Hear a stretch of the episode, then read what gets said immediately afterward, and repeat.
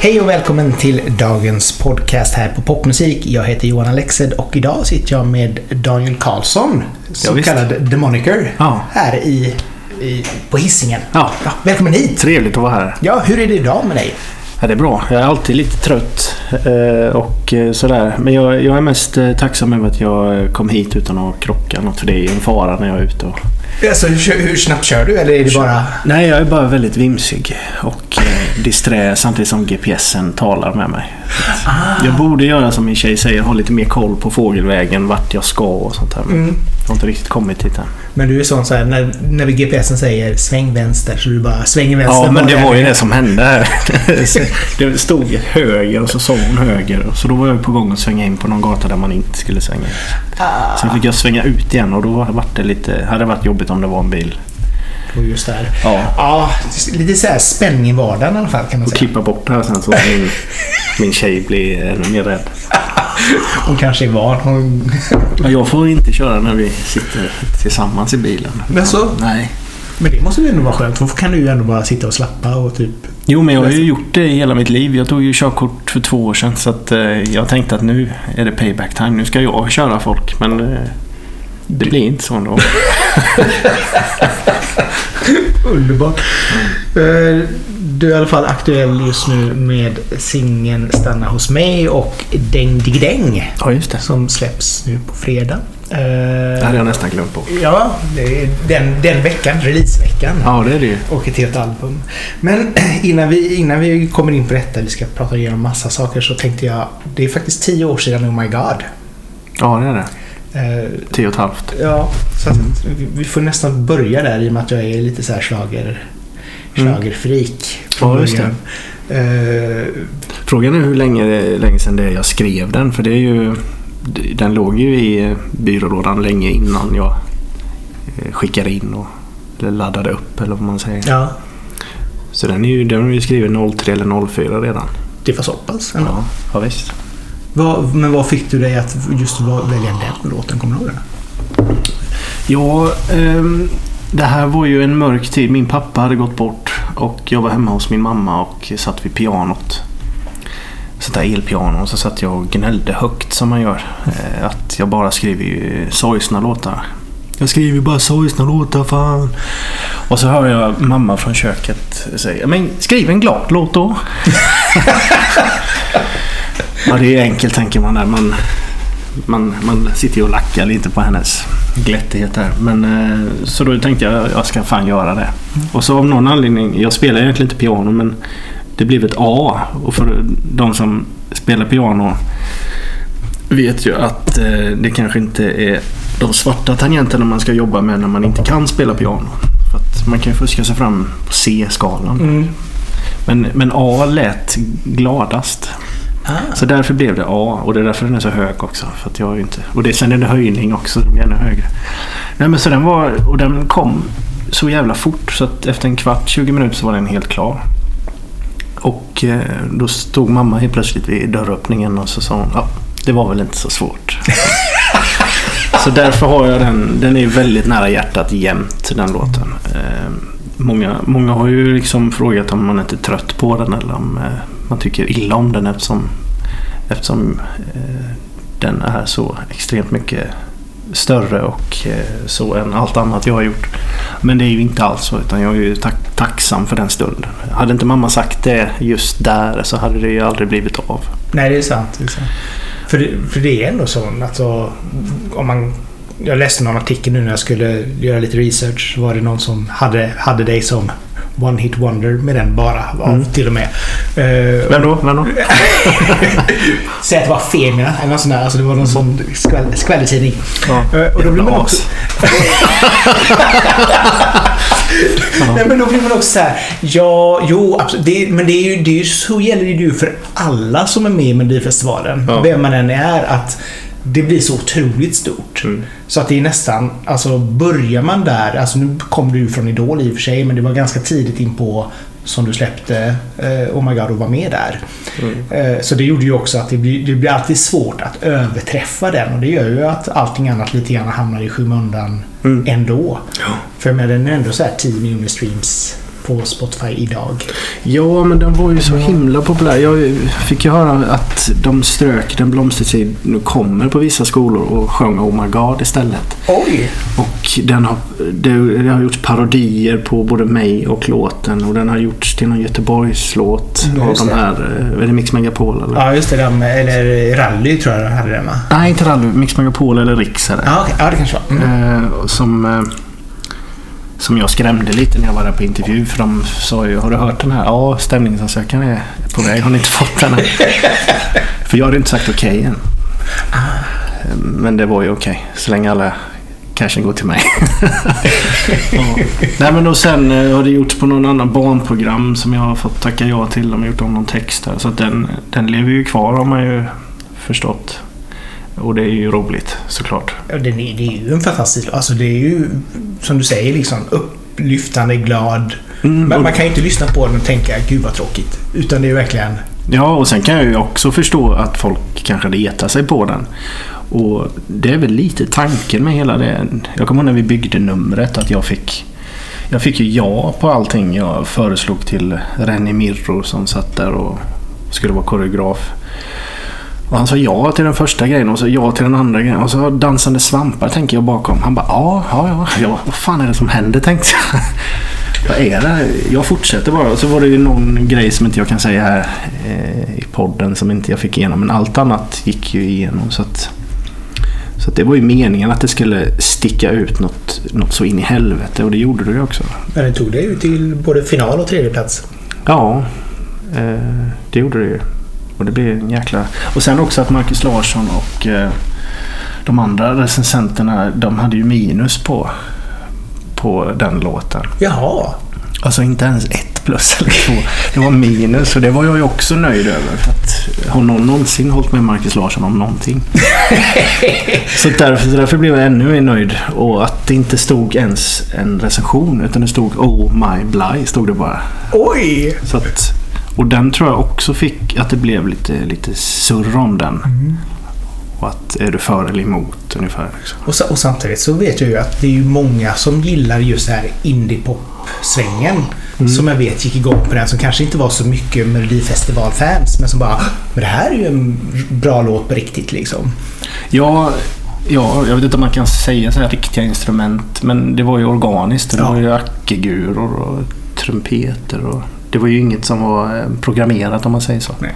Och det tror jag kanske gjorde gott Mm. för programmet också. Så det, sen eh, var du med även med då året därpå. Då gick det inte lika Jo, bra. nej men och sen så... ja, nej men det var ju... Ja, jag vet inte vad jag ska säga om det. Mattias Wachtmeister, på, då låg jag ju på Warner Music och då frågade han har du någon mer låt som du vill skicka in för nästa år? Så jag kollade bland mina låtar vilka som var tre minuter och så ja men den här till exempel. Och så la vi till en höjning på den här för mig. Nej, vi la till två höjningar på den bara för att jävlas. Och så tänkte jag väl att det här kommer ju inte gå lika bra. Det visste jag ju redan från start. Men jag ville inte komma med en Oh My God 2 heller. Eh, För att jag är inte den typen som gör det. Utan, eh, för då är det ju gjort. Mm. Och vill man lyssna på Oh My God så finns ju den. Men så jag visste ju redan från start att det inte kommer... Och vi fick inte alls lika mycket pengar av skivbolaget till numret och sådana saker. Ah, det var ju många sådana saker. Och, ja, nej men det var... Det kändes hela den tiden att det här kommer inte gå bra. Så att jag var inte besviken. Jag var mer så här, okej. Du- Det var en bekräftelse på det du trodde liksom mer Ja. än någonting annat. Ja, lite så. Det var mi- mitt band som var mer besvikna för att då visste de att ja, då blir det nog inte någon sån sommarturné som vi hade Ah. förra året. Och jag hade redan tackat ja till Diggiloo också så att det blev ju bra ändå. Ja. För mig. Du fick åka runt där i, i ladorna och fotbollsplanerna och köra det. Ja men det är också snett att man... Eh, Diggiloo det är ju också en... Det är så jävla långt ifrån där jag, är, där jag var på 90-talet med mina band och mitt tänk. Och till och med när, när när, det, när jag var mitt inne i Diggiloo och det skulle pratas låtar så var det fortfarande kvar den här indie-killen i mig som hade väldigt svårt att släppa de där... Eh, jag vet inte vad man ska kalla det. Den här lagret av eh, något... Nu ska det vara svårt och på riktigt här. Mm. mm, mm. Och så, men när jag märkte hur kul de hade i något rum när de skulle klä ut sig till superhjältar och sjunga Hero, Charlotte Perrellis. Där. Det var Markoolio, Moje och Thomas Pettersson. Och jag hade ju sagt nej till den grejen för att nej, det tänker inte jag göra. Men, men jag kanske kan vara Fantomen då. Det gillade jag när jag var liten. Så att, eh, så att jag var med på mer och mer grejer där. Till slut så, så körde jag ju all in där. Och Kul! det är ju så jävla skönt att man gör det. Ja, släppa alla hämningar liksom. Ja. Bara, Ja, för det är så jävla dumt att ha dem. Och det är ju egentligen hela... Jag tror det är indie... Vad heter det? Britpopens fel att det skulle vara så. Eftersom, ja, men jag var ju 13-14 där när man tar in som mest musik. Och då skulle man se ut som om att man inte brydde sig. Man skulle titta uppåt. mm. Och man skulle lyssna på en viss musik och man fick inte, du vet, det var sådana regler. Och så, så är det väl för alla generationer att man, man ska lyssna på något och så ska man inte lyssna på något. Man får göra det i smyg nästan. Ja, jo. Så att, och, den, och den är så stark i mig fortfarande. Jag känner det ibland fortfarande. Jag, som när du bad mig att välja ut fem. Och jag, egentligen bland det första jag borde välja ut är ju Roxette. Mhm. Eftersom det var mina första LP. Då är det det första jag gillade. Men det hade jag ju aldrig sagt 97 till exempel. Nej, det kan jag tänka mig då. Ja, Då skulle det vara Oasis och Blur liksom. ja och vilka av dem? Att, ja. Eller Oasis eller Blur kanske man Ja, säger. det var Om man ska, det. om man ska vara helt... Ja, exakt. Vilket, vilket eh, team har du på? Ja, jag var ju Oasis, men, men lägger jag till. Jag förstod ju efterhand att Blur kanske var mer kvalitet. Oasis var ju smarta. De sa ju att de var bäst och vi gick ju på det. Mm. Ungefär så. Så det var ju attityden Oasis hade man gillade. Men Blur var ju, de är ju bättre i längden får jag nog säga. Det är ju bättre pop. Ja, båda två har jävligt bra poplåtar. Man kan inte säga så. Men jag var ju mer Blur för jag tyckte det var mer pop. Ja men de experimenterar mer och de... eh, de jag kommer inte ihåg vad plattorna heter men 13 heter någon platta. Ja, just det. Mm. Och när de började ruffa till sig och bli hårdare där, det gillade ju jag. Så det, ju- det blev lite smutsigt liksom. Song 2 och allt det här liksom. När de Ja. kom igång ordentligt liksom. Men vi kan väl kolla lite grann med de här fem Ja. grejerna som du har skrivit upp. Så kan vi... Jag har inte skrivit upp dem, Nej, jag har, du har dem i mitt huvud. Ja. Först får jag säga, men nu har jag ju nämnt Roxette men de räknas inte då Nej. in i de här fem. Nej, men får jag du- fem till nu? Du, får, du får fem i alla fall. Ja. För, för, I och med att du sa att du eh, det, borde ska, haft dem. Men det ska vara viktigt för mig eller? Sånt som ändå någonstans har betytt någonting för dig på vägen eller som känner att det här har ändå inspirerat. eh, Ja. Nej, men först är det ju blandbanden jag fick från min syster får jag säga. Om det får Kul. räknas in. Ja, men det tycker jag är jätteroligt. Berätta mer. Nej men det, för det var ju där jag började eh, snappa upp musik. Förutom då mina föräldrars vinylsamling som också var bra.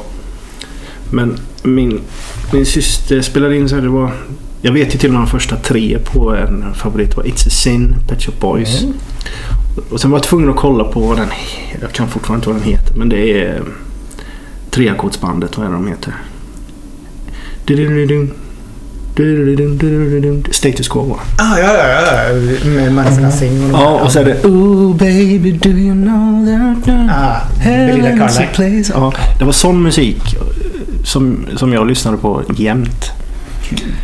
Blandat då med, om vi, om vi kan lägga in mamma och pappas vinylsamling också i den första Mm. där. Med, med Fleetwood Mac och uh, Dire Straits. eh.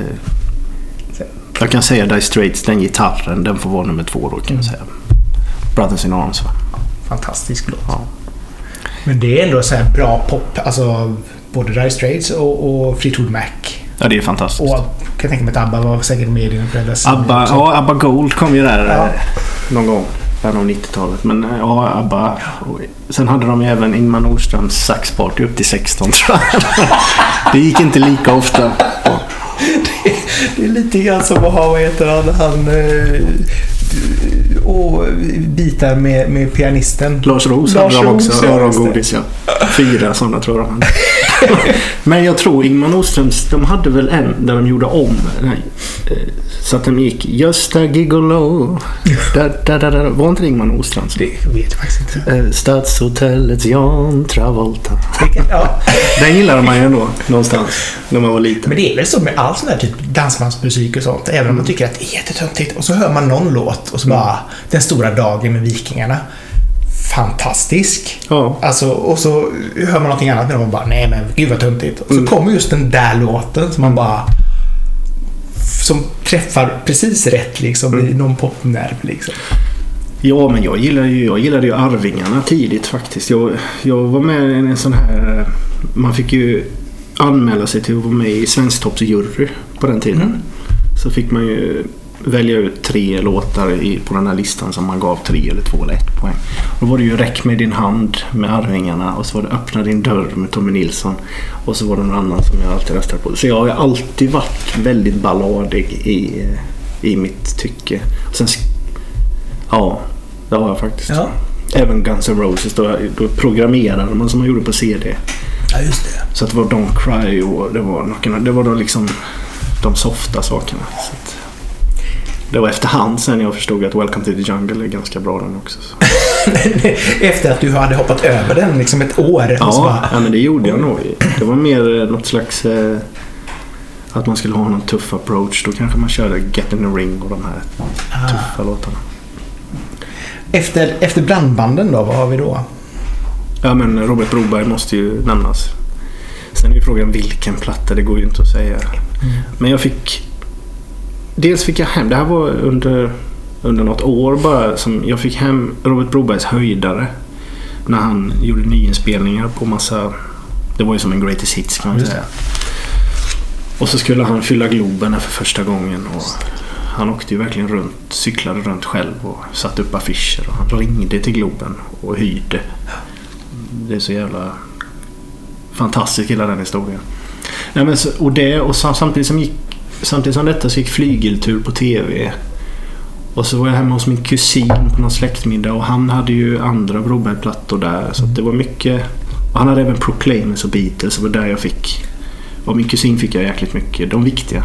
Proclaimers, Beatles och Robert Broberg. Ja. Så att... Eh, jag vet inte vilken platta jag ska välja med honom. Jag väljer Jag älskar dig ditt helvete, en låt istället då. Okej. Tycker, Vad är det med den som du känner är ja, för att den är så... Eh, så frustrationen i ett förhållande som går åt skogen men han kan inte riktigt släppa för att kärleken är så stark. Liksom.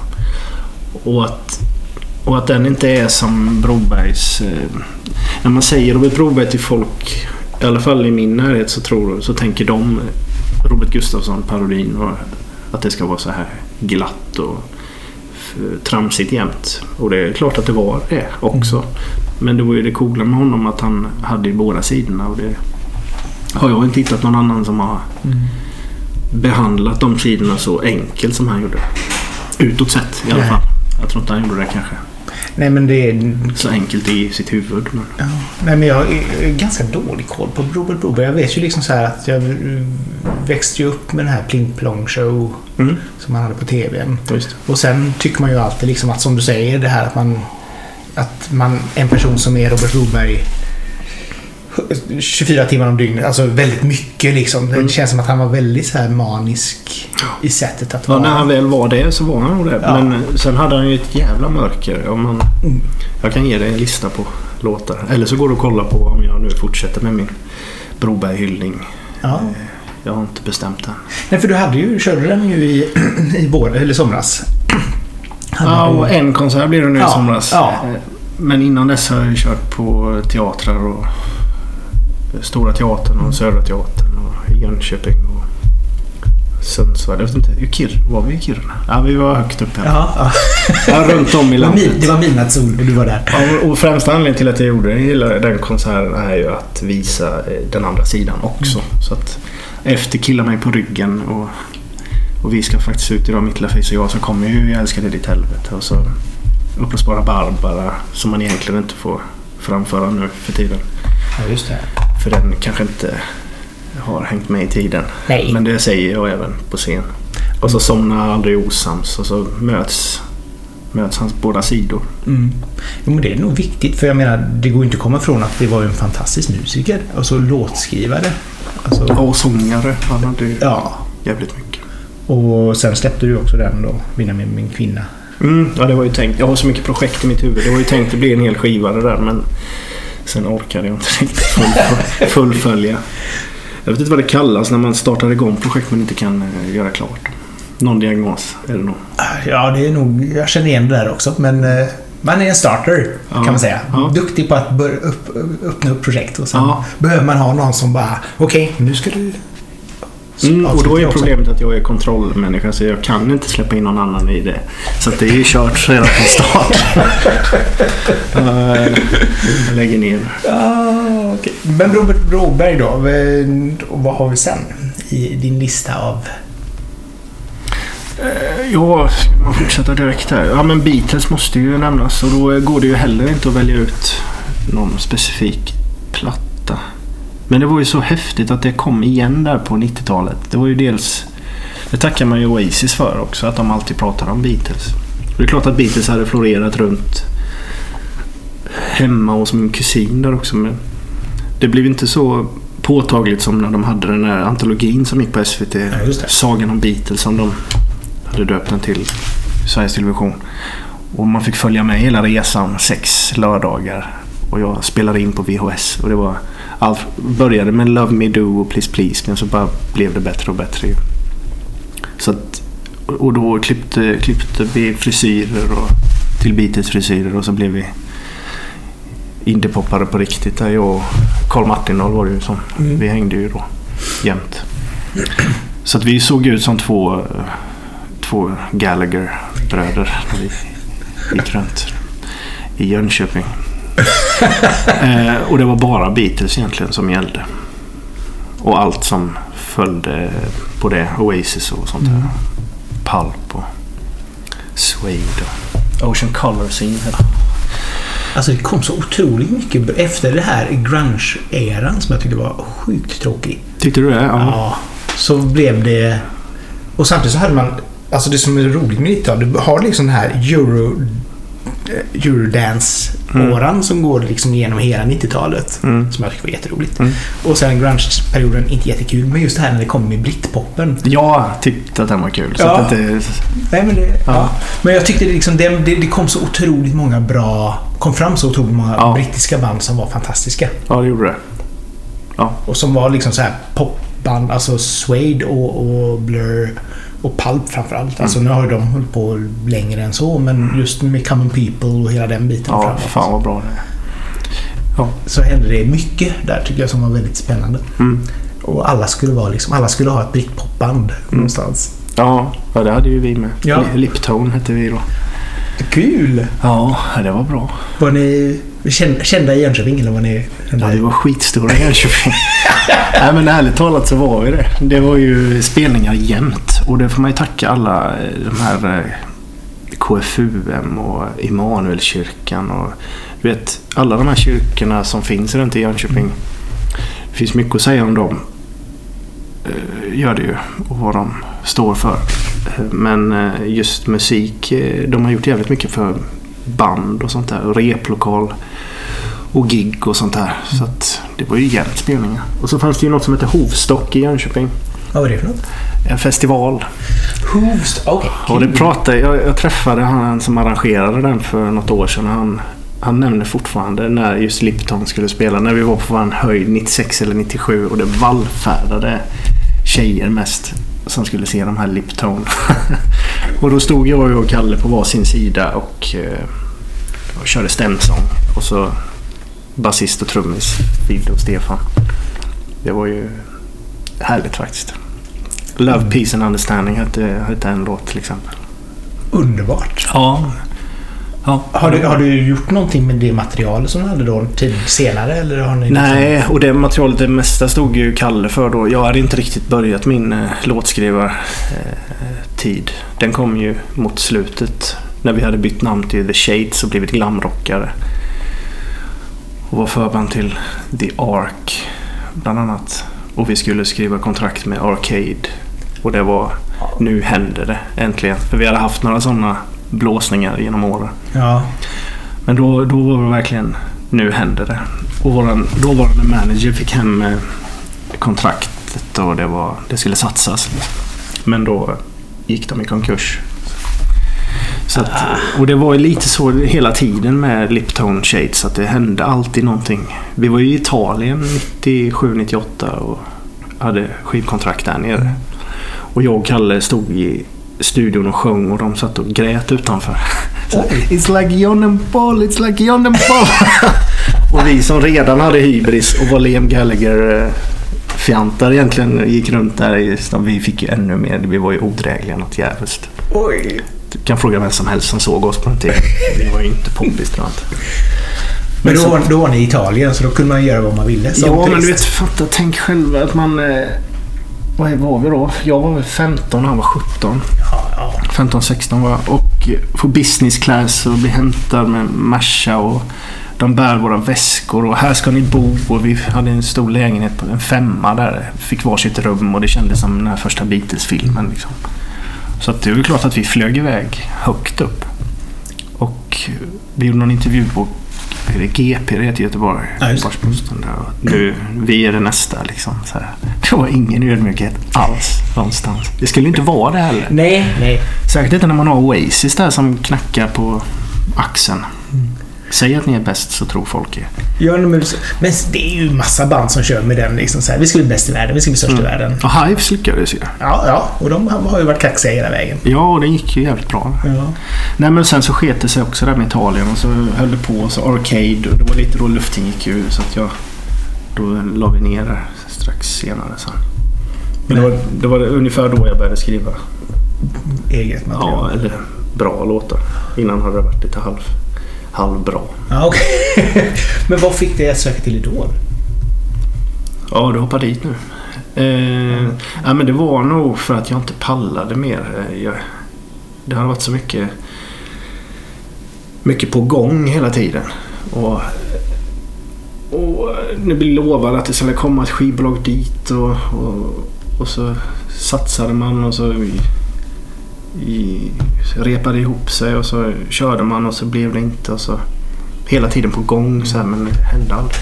Och så hörde jag kommer inte ihåg vem det var som hörde av sig men det var någon från Idolproduktionen som hörde av sig och frågade om du ska inte söka till Idol nästa år. Nej, det ska jag inte. Och så fortsatte de att nästan lite övertala och sa att ja, men det kommer vara lite annorlunda nästa år och det, eh, det, det är även lite äldre som... För att de har ju lite koll på vilka som söker. Förstod jag ju sen. Mm. Eh, Så då, så då gjorde jag det. Det här var ju 2007 ja. Mm. Samtidigt då så fick jag jobb inom Intersport som jag jobbade på. Så fanns det ett jobb att söka uppe i Stockholm så att det var... Det var bra timing. Ja, okej. Tänkte jag att jag jobbar där några månader och sen så vinner jag Idol. Så, så det är klart. Men det var ändå liksom så här. Men det känns som att... För jag menar, om vi kollar nu. Efter du har låg på Warner Mm. så har du ju faktiskt släppt under egen flagg. Mm. Så att det kändes ju som att den här utvecklingen av att försöka hitta breaket, man var nästan signad, det blev aldrig... Den har ju någonstans... Du var lite för tidig där kändes det som att nu, har, nu kan man släppa saker och ting själv. Då var det ju liksom inte möjligt i, i början på 00-talet. Eh, Att, att, inte på det sättet i alla fall. Att Nej. kunna bygga upp den typen av publik, göra någonting eget utan att ha ett skivbolag i ryggen. Nej, det var så himla viktigt att man skulle bli signad, kommer jag ihåg. Men det var egentligen inte det. Man hade kunnat göra det själv tror jag redan då. Kanske. Det är nog svårt. Eller ja, det är, det är nog svårare om det är liksom så här fysiska skivor. För då det är ju fortfarande några år kvar tills Mm. Spot, visst, då fanns ju MySpace. Fanns ju. Det fanns. Det var det stort då. Ja. Nej men jag, just om jag hoppar tillbaka till Oh My God. Ja. Så låg ju den... Jävlar vilken, vilket långt utlägg emellan där. Nej men så låg den ju och väntade. Jag kommer ihåg min trummis Tobbe sa alltid att ska vi inte köra... Ska vi inte köra den där glada låten Oh My God. Då hette ju mitt band The Lips hette vi då. Mm. Även Danny Kaye and The Lips ibland. ja, Danny Kaye alltså. Och det är, det är även de som jag spelade med då. Vi började 2004. Det är de som är med i Melodifestivalen sen också. Så. Att vi hade det kul då. På den, eh, I den cirkusen kan man säga. Nej, men så den låg där och väntade och jag ville inte köra den för att den, nej, den är alldeles för glad sa jag alltid. Nej, nej, nej. Och sen så efter Idol så blev det ju inte som jag trodde att det skulle bli eller som jag hade förhoppningar. Utan Sony höll ju till den sista dagen. Optionen hade de ju fram till den sista april eller något sånt där. Okej. Mm. Och de sa hela tiden att ja, men det, det, kommer nog, det kommer nog bli här. Och sen sista dagen så nej, vi väljer att inte plocka upp dig. Snyggt. Mm. Och då är man ju nästan så här bortglömd. För, för det går så jävla fort där och de andra skivbolagen är inte så intresserade. För de ser ju ja, snart kommer nästa Idol. Så. Mm. För det är så man ses då. Från att man är med i Idol så är man en idolartist. Och då är man... I alla fall var det så då. Jag har inte koll på hur det funkar nu. Med Det är ungefär samma nu också. men, men då, då ska man vara lättstyrd och man ska sjunga de låtarna man blir tillsagd att sjunga. Jag menar jag satt ju på möten med Sony och de sa det här är din skiva. När jag var med i Idol alltså. Mm. För de hade väl också en tro på att jag kanske tar hem den här tävlingen. Så att det fanns ju en klar skiva som jag sa egentligen. Nej, den vill jag inte ha. Har du inte hört mina låtar? Så här. Och de har inte ens hört en enda låt. Och sa ja, du kan max få med två, kanske tre. Ja, fast ni har ju inte hört dem. Oj! Och, och de sa även, ja, ja men vet du vem som har skrivit den här? Fast- det struntade ju jag i. Det var ju inte därför jag ville, ville Nej. göra en skiva. Utan jag ville ju skriva mina egna låtar. Fast, ja, det, jag ville ju verkligen det. Mm. Så att det skar sig lite där. Eh, och så var det något annat bolag som var på G som inte blev. Så därför, det gick ju bra där med gigs och sånt där. Men sen så ju- helt plötsligt så blir det ju inte så mycket Nej, exakt. gig och så får man ta spelningar där det är affisch utanför. Det är så känd från TV. Och då känner man att nej, hit vill jag ju inte komma. Mm. Och där man får köra Proud Mary inför en jätteonykter publik. Och mitt i Rolling, rolling on the wall, ro, ro, Rolling on the river va? Ja. Så får jag upp en lapp där det står Proud Mary. Spela Proud Mary. Mitt i Proud Mary alltså. Och då kör jag den igen. Och då jävlar vad glad han var då. Han var inte glad för första Proud Mary men andra Proud Mary var han jävligt glad. Så att jag började fundera på vad fan ska jag göra. Och eh, kepsen var ju nedtryckt långt när jag gick runt och bara jag gick utanför dörren. Jag gillade ju inte att träffa folk. Jag gillade inte att handla. Det var en jävligt mörk period kan jag säga. På Kocksgatan i Stockholm. Ehm, och blev av med lägenhet. Så att jag hade ju inget hem just i det tillfället där jag skickade ett chansmail till christer.bjorkman svt.se Mm. Där jag skriver att hej du kanske känner mig som Idol Daniel. Jag heter The Moniker nu för tiden. Jag har gjort en låt som är tre minuter lång och den innehåller även en höjning. som jag har förstått eh, är väldigt gångbart i ert koncept. jag har det mejlet någonstans. Jätteroligt. Får jag skicka den till dig? Och då skrev han Hej Daniel. Vi hade setts någon på någon sån här jippofest. Och så skickade jag den och sen så vet jag inte vad det gjorde. Det var säkert juryn. Nej, men och sen så är jag hemma hos min kompis som jag bodde hos just då. Jag betalade hyran genom att vara ute med hans hund på dagarna. Oj, ja. Eh, och så fick jag samtal från SVT där de sa att eh, din låt Oh My God är, med i festivalen och eh, presskonferensen är det här datumet. Och du kan ju förstå den lyckan. Så att jag sprang runt där i det huset och var helt galen. Och fick ringa upp mina kompisar igen då. Mina, vi hade egentligen lagt ner mitt band. Ja. Men jag ringde, jag kommer ihåg ringde Erik först, min gitarrist. Och så sa jag du... Efter lite vanligt snack så frågade jag du, vi har ett gig till. Eh, jaha. Liksom det var inte den eh, jublet var det inte. Var är det någonstans då? Skandinavium. Skandinavium? Du skämtar? Nej. Det är tre minuter bara och du behöver inte spela på riktigt heller. och så fick jag göra sam- samma samtal till allihop så att alla var ju skitglada. För det blev ju, för det blev ju liksom att gänget hade fest. Och vi såg det aldrig riktigt som tävling utan vi såg det som att hänga och Mm. ha kul. Och... Ja, Det är väl så man ska göra också i och för sig. Alltså, Ja, men jag tror det är svårt egentligen att göra. Eftersom man har så många runt omkring sig som kanske tycker att det är viktigt. Viktigare än vad man själv tycker. Det är klart att vi ville gå vidare och så här. Det bästa som kunde hända hände ju. Vi gick ju till Andra chansen. mm. Så det blev ju en veckas till fest. Och sen Globen final. Så det blev ju en tre veckor sammanlagt där som var guld. ja, ja, exakt. Och eh, vad ska jag säga mer om det? Mm. Men just det här att kunna fira in det. Alltså jag vet jag har ju varit på några av de här Melodifestivalturnéerna och det är ju en viss stämning Andra chansen. Alltså när det verkligen är så här, okej det här är det sista. Mm. Antingen så går man all in och så festar man för att man har åkt ut. Eller så går man all in och festar för att man har gått vidare. Så, att, så att det blir ju en Ja, så är det för de flesta. Vi var ju ute och festade dagen innan där.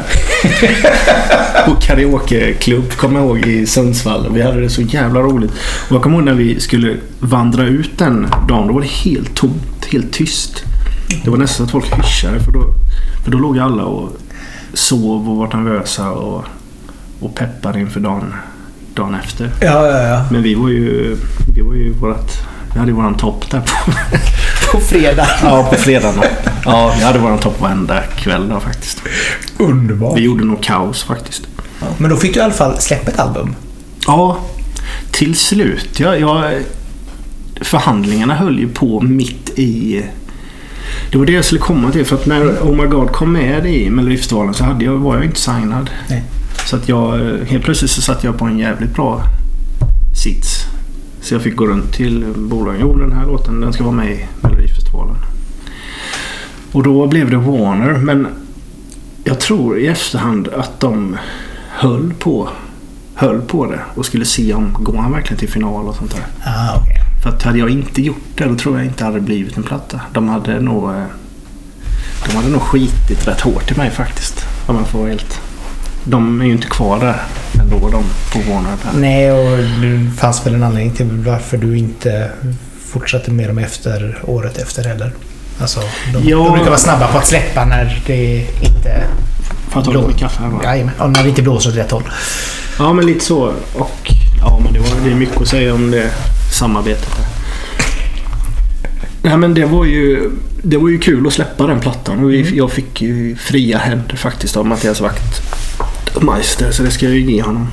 Vi funkar ju bättre nu när vi inte jobbar ihop. Okej. Faktiskt. Ja, men det tror jag han skulle säga också. Ja. Vi, vi pratar inte riktigt samma språk där. Men han släppte däremot eh, allt sånt musikaliskt ansvar till mig. Så att Kul. Ja, jag fick göra hela låtordningen och vilka som skulle vara med och vilka som inte skulle vara med och, och sånt där. Så det var ju jävligt skönt. Ja, det kan jag tänka mig. Så det blev ju nästan som att släppa själv, jag och min dåvarande producent. Mm. Så att det var ju låtar som låg och skvalpade som jag hade klara. Det är ju väldigt kul. För det är ju oftast är de ju väldigt så här restriktiva när det gäller... Eller ja, det är väl både och i och för sig. De kanske såg att... Jag menar, du är en sån unik artist på det sättet att du vill göra saker och ting själv medan det kanske kommer någon annan som du behöver ledsaga hela vägen Mm. och sitta och skriva med. Liksom. För då var det ju fortfarande en period där det inte var helt givet att man, den som framför låten skulle vara den som skrivit den också. Liksom. nej, nej, men nej. Så är det väl. Frågan är väl till det så än idag faktiskt. Det, sitter, det räcker med att en artist sitter med i ett rum så står den som låtskrivare sen. Jo, så är det väl. För det. att det ska verka som att det är den människans ord och sånt där. Ja. Istället för att stå för att man kanske bara är artist. Och det är okej. Ja. För det måste det ju få vara. Så har det alltid varit. Elvis skriver inte sina egna till exempel. Nej. Och han är ju inget fel på honom. Nej, och samtidigt så är det väl också så nu då att om du står som låtskrivare så får du ju också del av kakan på låtskriveriet. Det är också såklart. Så att det är ju det som är viktigt. Ja, ja. Jag vet inte. Jag tror nästan det är viktigare att namnet står med som... Så att, för då kan man ju tala för låten på ett annat sätt. Ja. Ja. Nej men sen den första dispyten den kom ju när jag ville släppa Holy, min låt, som andra singel. Mm. Men eh, Wachtmeister och Warner tyckte att nej, den är för långt ifrån Oh My God. Eh, Folk kommer inte förstå. Så att därför skulle jag göra, då fick vi göra om en mix, då fick vi mixa om en av de lite halvglada låtarna. Så det blev ju en rätt flopp där. I'll drag you up heter den. Ja. En bagatell i musikhistorien. Så det var ju synd. Och sen när Holy väl skulle släppas då kom nästa låt med i Melodifestivalen så då vågade de inte. Ah. Så det är synd. Holy är ju egentligen min bästa låt tror jag. De flesta tycker som har hört mina låtar. Det är ju lite synd. Men Ja. den finns ju där. Ja, jo. Men det är samma sak. Det är ju skönt att kunna ha den där låten som man kunde haft med på Allsång på Skansen. ja, jag gjorde den på Allsång på Skansen. Du ser. Ja. Men Oh My God sjöng jag ju fel på Skansen. det är så jävla dumt Kommer faktiskt. inte ihåg, men ja, berätta. Nej men jag tror inte det var många som fattade det för att jag är, jag är ju skolad i Lingman och Company. Jag vet du vilka det är? Thomas Lingman och Lasse Lingman. Mm, ja. De har ju stått för jävligt många artister som inte man vet om. Det borde vara mer snack om Lingman och Company faktiskt. Det är Jöback och Karl Dajal och Lisa Ekdahl, Lisa Nilsson och... Och där var jag ju och då fick jag bland de första, första tipsen eller råden jag fick var att man aldrig ska aldrig ska visa med gester eller sådär sånt där, om det är något som är fel. Med text eller om man sjunger surt eller något. Så man ska det är som ett skådespel nästan att man låtsas att det... Så att jag tror inte... Under Idol sjöng jag ju fel text flera gånger men jag låtsades att det var rätt och då tror jag då var ingen som greppade det. Ja, okej. Men just Oh My God, Allsång på Skansen är ju riktigt uselt. Jag börjar andra versen en halv takt för tidigt eller något sånt där. Det är jävligt, det är jävligt snurrigt är det faktiskt. Det är ungefär lika bra som bilkörningen med andra ord. Ungefär så. Men jag var ju starstruck med. Det var Håkan Hellström var där och det var Siw Malmkvist och det var... Och så var jag mitt i turné så det var ju ganska... Det var ju... Det var ju... Mycket i huvudet samtidigt. Ja, det kan man säga. Mycket Ja. i kroppen. Ja, jo, det, det förstår jag. Eh, något som jag funderar på innan vi går vidare med min musik. Men Körn. Mm. Hur hamnade du där? Nej, det är ju för att jag tacka min eh, tjej. Att hon eh, är därifrån. Det är ju inte hennes förtjänst kanske att hon är därifrån. Men jag får tacka hennes föräldrar då. Nej, men för att vi... Eh, vi vill ju bosätta oss någonstans. Och då blev det Tjörn. Våran andra, eh, vårt andra barn var på väg och vi kände att barnvakt är en rätt bra grej i livet. Och då blev ju Tjörn väldigt naturligt för hennes eh, föräldrar. Och hon har ju fyra bröder också. Och farbror och allt möjligt bor där ute. Så att det, det känns tryggt på det sättet. Och sen är inte jag ledsen över att bo så nära havet och klippor och grejer. Som, jag gillar ju Småland och skog och sånt där också. Men det är något speciellt när man inte är uppvuxen bland klippor och sånt att komma ut där. Och, och eh, uppleva den friska, friska luften. Det kommer jag ihåg redan för tio år sedan när vi träffades. Att jag bara wow, här skulle man vilja bo någon gång. Så att jag var inte, jag var inte svårövertalad alls. Nej. Frågan är om inte det var jag som kom med förslaget till och med. Så att det, där bor vi bra. Ja, det Och det är inte långt bort från... Det är inte så att det är Island liksom. Det är, Nej. Nej, nej, absolut. Och jag menar, det är ju nära till Stenungsund om man vill ha någon större och, eller hit. ja, dit åker vi och köper godis ibland. Ja, hur jag menar det. Och sen eh, nära till Göteborg och Mm. Uddevalla om man vill åka till det hållet. Ja, just det kanske man inte vill. Ja. Ja, nej men det känns bra. Och nu i dessa tider, internet, fan, då kan man bo precis var som helst. Och Faktiskt. jag har alltid sagt att Malin får bestämma eftersom jag gör det jag gör, musiken. Så då, då kan hon få bestämma var vi ska bo. Ja, och samtidigt så tror jag nog också att det kan vara alltså, skönt att bo på en lite mindre ort om man till exempel ska göra spelningar och sånt. Alltså, det måste ju vara lätt att liksom bara, ja, hej, kan jag ställa mig här och spela lite grann? Varsågod. Ja, jag hade min första spelning på Tjörn i somras så Ja. det var roligt. Spännande. Ja, nej men det var... Det, allt. Nej, men jag gillar ju småställen. Jag är från Norra Hammar utanför Jönköping och det är ju litet. Och Mm. Jag gillar ju Norra Hammar väldigt mycket mer än vad jag gillar Jönköping. Jag, det, I Norra Hammar finns ingen sån här eh, komplex till att man inte är större utan där är man jävligt nöjda med att vara i Norra Hammar. Medan Jönköping kanske inte riktigt är där. Det, Det var kan- ingen Jante i Norra Hammar till exempel men den var i Jönköping. Det låter kanske konstigt men jag upplevde inte det när jag var... När jag hade så här 50 smycken på mig och var långhårig och örhängen och sånt. Spelade fotboll. Det var aldrig något eh, snack om att eh, varför har du allt det där? Och, utan det var mer haha, här kommer Danne med alla smycken och sånt. Jaha, okej. Och även när det var TV och sådana saker också. det stack mer i ögonen på de från utom socken. Ja, Jag tror det. Ja, Jag har, fått en, jag har fått en känsla av det. Mm. Ja, ja. Samtidigt så är det väl så också att då är det väl, det kanske är en sån... Ska man, ska man reta sig på någonting så är det alltid lätt att reta sig på den som sticker ut. Jo. Och kommer, är man från en sån här mellanstad då är det väl ännu lättare att reta sig på andra människor. Mm. Liksom. Det känns nästan lite Ja, och det har ju funnits, jag vet inte vad det är för något i en själv som tycker om just det. Att man kanske retar någon genom hur man ser ut eller hur man klär sig. Jag vet inte vad det beror på. Men Det är bara, alltså, hälften av alla människor retar sig väl på Thomas Di Leva. Att han är, ser ut som han gör. Liksom. Samtidigt så handlar det inte så mycket om hans utseende utan om hans musik i första Mm. hand. Ja, ja. Att, Ja, han är ju übersmart på hela den grejen. Ja. kommer, jag hade en spelning med honom faktiskt i Borås.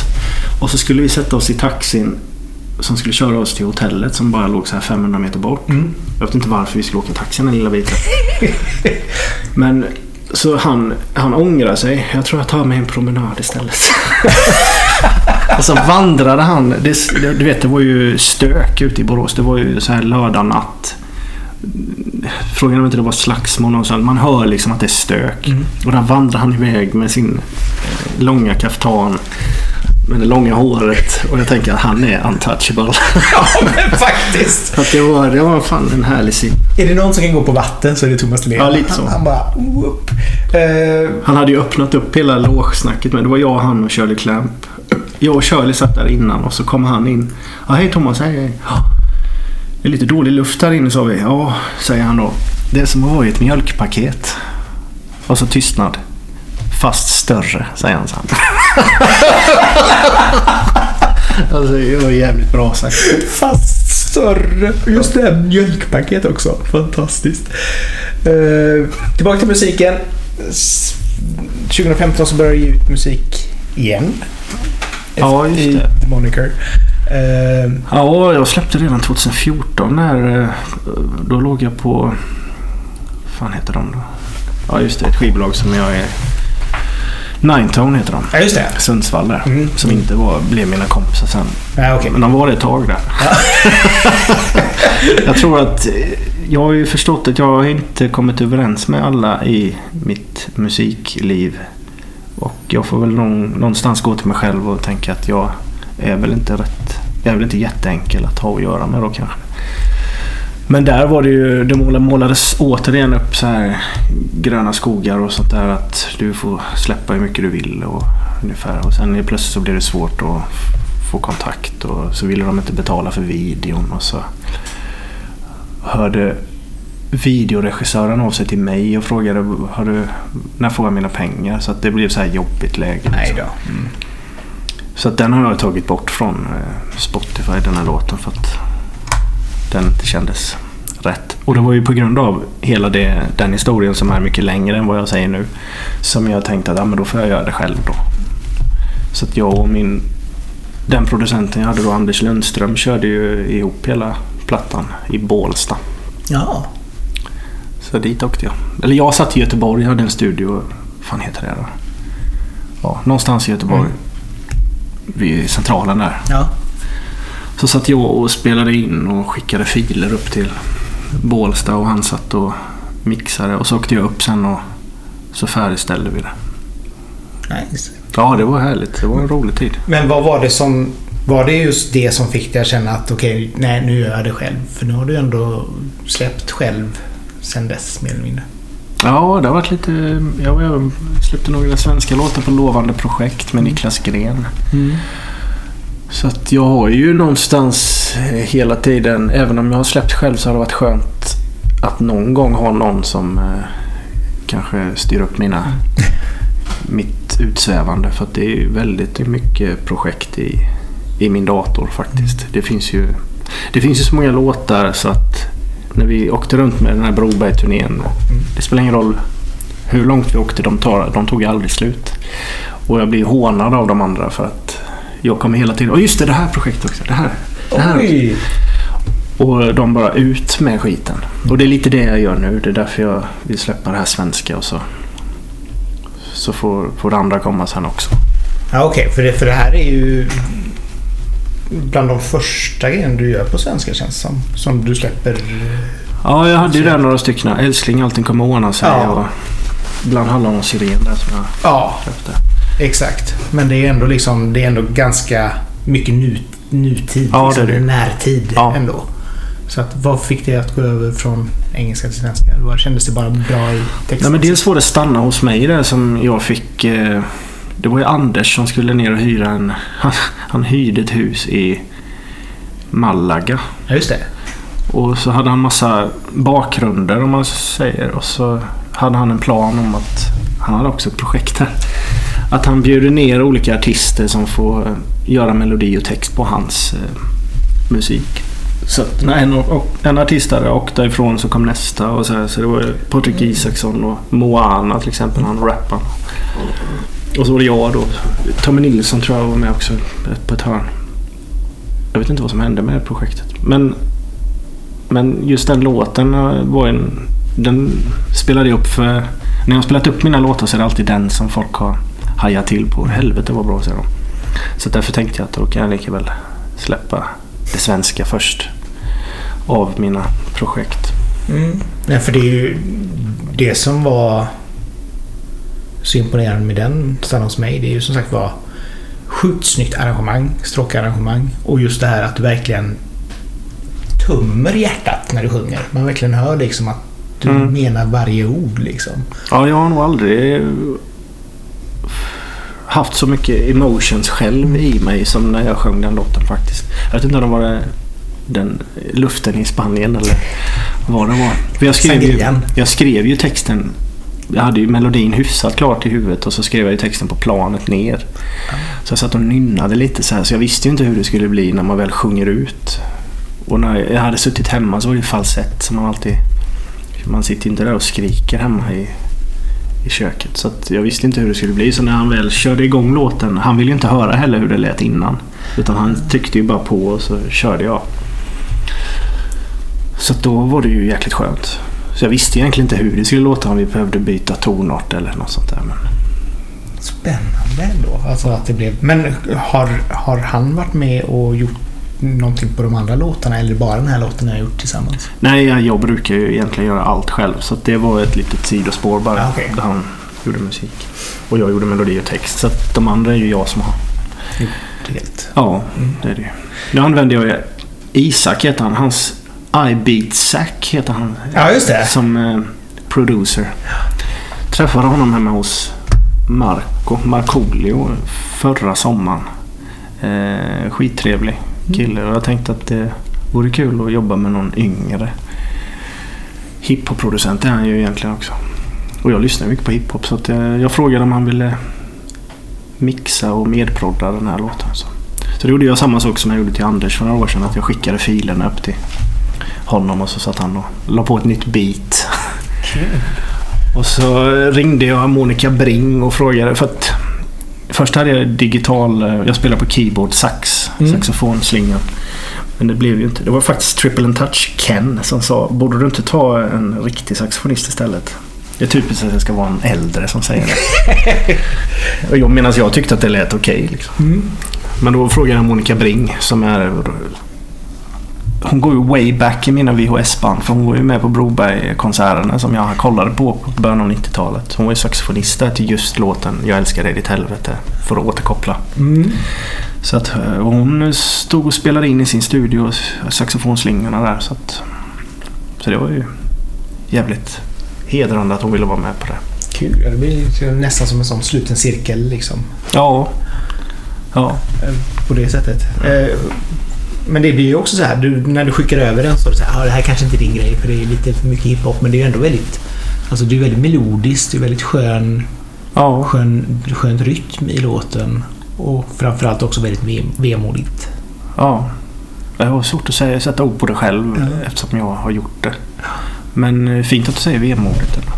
Den är ju väldigt laid back. Mm. Den är ju egentligen en motsats till Stanna hos mig. Eftersom jag inte tar i en enda gång. Nej, nej, nej. Det är snarare en att jag sitter ute och reflekterar över hur livet går på bara ungefär. Ja, därför du skriver att den handlar om tiden i på eh, Kocksgatan i Stockholm.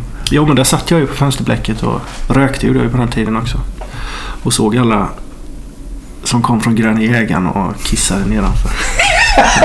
Nej, men jag bodde ju på Kocksgatan alltså tidigt, ett eller tre, jag kommer inte ihåg nu. Mm. Så det var ju den första gatan man går in på där. Det är ju som Gröna Jägaren-besökare. Så vill man inte gå på toaletten där inne så går man till Kocksgatan 1 ungefär. Så att nedanför mig där. Så jag satt och askade på dem. Nej, det gjorde jag inte. Så att det doftar ammoniak och räk. Ja. Fan, jag har blivit, eh, de, jag, två gånger har jag varit på Gröna Jägaren. Båda gångerna skulle jag få stryk.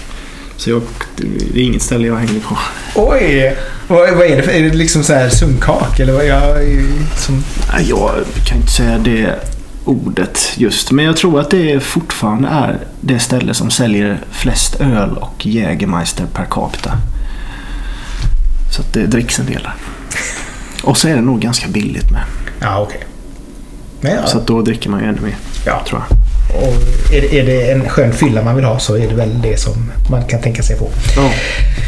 Uh, Däng Dingy Däng heter den här låten som släpps nu på fredag. Ja. Eh, också lite roligt omslag med dig med truck- truckerkeps. Just den truckerkepsen. ja, det är min dotter faktiskt. På Ja, bilden. ja. Med det långa håret här. Ja. Ja, men jag tänkte ju först att jag själv skulle stå med... Men det, sen blev det inte... Sen var jag tvungen att göra ett omslag så då blev det så bara. Ja. Det uh, behöver inte vara så himla... Det behöver inte vara så genomtänkt nu för tiden. Utan man, det är bara att ha en bild och så laddar man upp den. ungefär. och framförallt så är det ju ingen som ser på omslagen längre i och med att de är typ frimärksstora i Spotify och Apple Music. Så att Precis så. det är inte, det är inte vinyl liksom när man ska ha ett Nej. artwork. Någon gång kommer det ju bli vinyl någon gång när jag får lite mer pengar på kontot. Det är ju roligt att ha vinylen då. Då blir det sån gatefold och så Ja, dubbel ja just det. 180 grams vinyl och sådär. Eller så, eller så väntar jag några år och så släpper jag en box på alla projekt. på tal om den här hybrisen. Den, Ja, den är kvar i kroppen. Så här, limiterad upplaga på 100 stycken och så bara, Ja, tio. så, att, så att i alla fall några hammar kan få. Ja, det är så. Hur, är, hur går arbetet med själva albumet? Ja men det går ju bra. De fin det, ja, jag ser inte det som arbete. Det är ju, jag sitter ju och skriver låtarna och så... Det är ju som att äta eller som att... Det låter så himla lamt att säga det men det är ju som att andas. Mm. Utan man skriver en låt och så kollar man på någon film och så... Du vet, allt händer bara. Eh, det är ju inget... Jag vet att många... Jag såg... Var det Alexander Bard? Han har ju sagt många saker som man inte håller med om. Men han sa ju även att han tycker att det är oprofessionellt när man bara går på eh, känsla och att man ska skriva, en, skriva låtar. Man ska se det som ett arbete. Det ska vara 7 till 4. Mm. Och det tycker jag inte alls för då kan man ju syssla med något annat. Det då tappar man ju hela konsten i det det är ju, allt är ju uppbyggt på känslor enligt mig istället. Så, att- men jag kan också förstå att folk måste ha det så. Och det, det förstår jag ju. Och säkert när jag, sen jag fick barn också så, så kanske man borde mer ställa in sig på en viss tid. Så. Och, och det kan man ju använda till. Den tiden använder jag ju till att färdigställa saker istället. Medan inspiration kan ju dyka upp när jag spelar fotboll eller hoppar studsmatta. Det är bara att man sjunger in den idén på röstmemo. Så är ju den låten halvklar. Liksom. Mm. Eller någon Eller man text. kommer i alla fall ihåg den Ja, till dagen efter. ja. Precis. Det är väl det som, och det är väl det som är viktigt också där med, med all typ av kreativt arbete. Jag menar, det är som du säger, det är svårt att tvinga fram någonting. Jag menar, då kan du sitta i studion och du ska sitta där mellan åtta och fem. Så kan du sitta och inte göra någonting för att du inte har någonting. Mm. Och sen när du kommer hem och när klockan är liksom 22. Då kickar hjärnan in och man bara "Åh, det här ska jag skriva om. Ja. Ja, precis. Men det får ju folk tycka är oprofessionellt. Eller folk. Folk. Alexander Bard. Ja. Nej men och sen, eh, jag tror inte alls man ska pressa fram saker. Utan kommer det inte direkt så brukar jag byta spår. Då, då klinkar jag på något annat. Om jag sitter med någon eh, textrad eller något. Om inte det kommer hyfsat direkt så är, tänker jag att då är inte meningen att det ska fram. Men sen kan det ju hända att man plockar, plock, plockar upp någon låtidé som är flera år gammal och helt plötsligt så bara ja, ah, så här ska den vara. Då eh, var den meningen att komma fram. Jo, men allting har väl sin tid också. Menar, Ja. Ibland så kan man ju stånga huvudet i väggen på någonting hur länge som helst och till slut så något år senare så bara ah, nu. Mm. För nu har jag mognaden eller nu har jag liksom rättare känslan eller vad det må vara liksom, Mm. för att göra det. Visst. Så att menar, det är jätte... Och jag tror nog att det är väl så de, ändå de flesta funkar liksom. Ja, det är det Eh, kanske. För att hitta liksom, den inspirationen. Eh, vi ska också lite snabbt också snacka promo promota framtiden. För jag såg att du la upp på Instagram om julkonsert. Ja, just det. Eh, berätta lite I grann. Bunn. Ja, berätta Utan, lite utanför. Gränna. Ja, men jag var där och spelade förra hösten. När man, när man, då var det ju en tid när man trodde att det skulle luckras upp igen. Mm. Så då hade jag en spelning i Bunn, Bauergården utanför Gränna. Och så svänger jag in där med bilen, för jag skulle egentligen spela i restaurangavdelningen. Men upptäcker ett kapell precis bredvid. Så frågar jag arrangörerna varför är jag inte där inne för? Så då ringde hon Svenska kyrkan och frågade om inte man fick eh, låna den lokalen. Och så då hade jag konserten där inne. Så att folk som kom hade förväntat sig att de skulle sitta och dricka, dricka öl och eh, kolla samtidigt och säkert snacka lite. Men det kunde de inte då för då fick de sitta där lugnt och stilla och uppleva en konsert istället. Vilket var rätt trevligt tror jag för alla. Förutom en gubbe som gick. Kom jag på nu för att jag, sa, jag körde nämligen en Broberg-låt och innan Broberg-låten så sa jag eh, att jag, den här är inte riktigt rumsren. Så är det någon som vill gå så får ni göra det nu. Och det sa jag ju inte eh, seriöst. jag trodde ingen skulle ta mig på orden. Men han tog sin hustru i handen och så gick de ut. Men han, hans son kom fram till mig efteråt och sa att han skämdes och att det var det var ju synd att det var just mina föräldrar som gick, men det var de. De hade tydligen gift sig där för massa år sedan. Så de såg det som helig mark dubbelt då. Och så ville de inte att jag skulle sjunga sådana ord. Vilken Broberg-låt var det? Det här kan jag inte säga. Snabbköpsbutiken. Snabbköpsbutiken heter det. Jaha, ja. Ganska okänd låt. Ganska...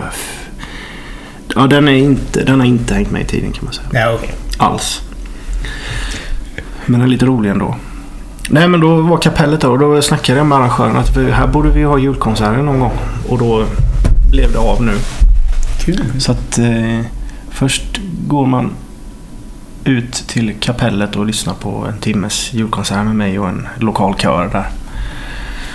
Där det blir allt från Ave Maria till jag har inte bestämt alla låtar än men det blir ju lite Coldplay och Eva Dahlgren. Jag tänkte Mm. det behöver inte vara låtar som man direkt kopplar till julen men det kan dofta lite jul Mm. som det gör runt Fix You till exempel eller Ängeln i rummet och sånt där. Jag tycker de om de görs på rätt sätt så blir det jullåtar av dem. Så Säsongslåtar kan man säga lite grann. Ja. ja kan man säga. än... Så att det blir eh, några gånger där i Gränna. Trevligt. Mm. Eh, har du någon sån favoritjullåt som bara ingen jul utan... Mhm. Ja men det är ju Jussi Björling och eh, vad heter den? Adams julsång heter den ju egentligen. Och Helga natt. Och Helga natt, ja. Men eh, även Ave Maria med Pavarotti är ju inte så dåligt. Nej, han har ju en bra pipa. Ja, så att de två brukar ju gå på högvarv. Även Körbergs senaste julplatta är ju jävligt bra. När han, Björn Ulvaeus tror jag har gjort svensk text till eh, Conte Partiro, alltså Time to say goodbye. Jag kommer inte på hur den går. Men den eh, kör jag också hemma när jag lagar mat så, på julen. Så. Mhm, Trevligt. Ja, nej, det är en av de få sakerna som varje år blir en sån här... Ja, Man får sån här nostalgisk blick varje gång det är jul och man bara känner att åh, det här är så jävla mysigt. Ja. Alltså, man växer aldrig upp, allt man, jag växer aldrig upp från jul, julmyset. Nej, nej, jag gillar det också.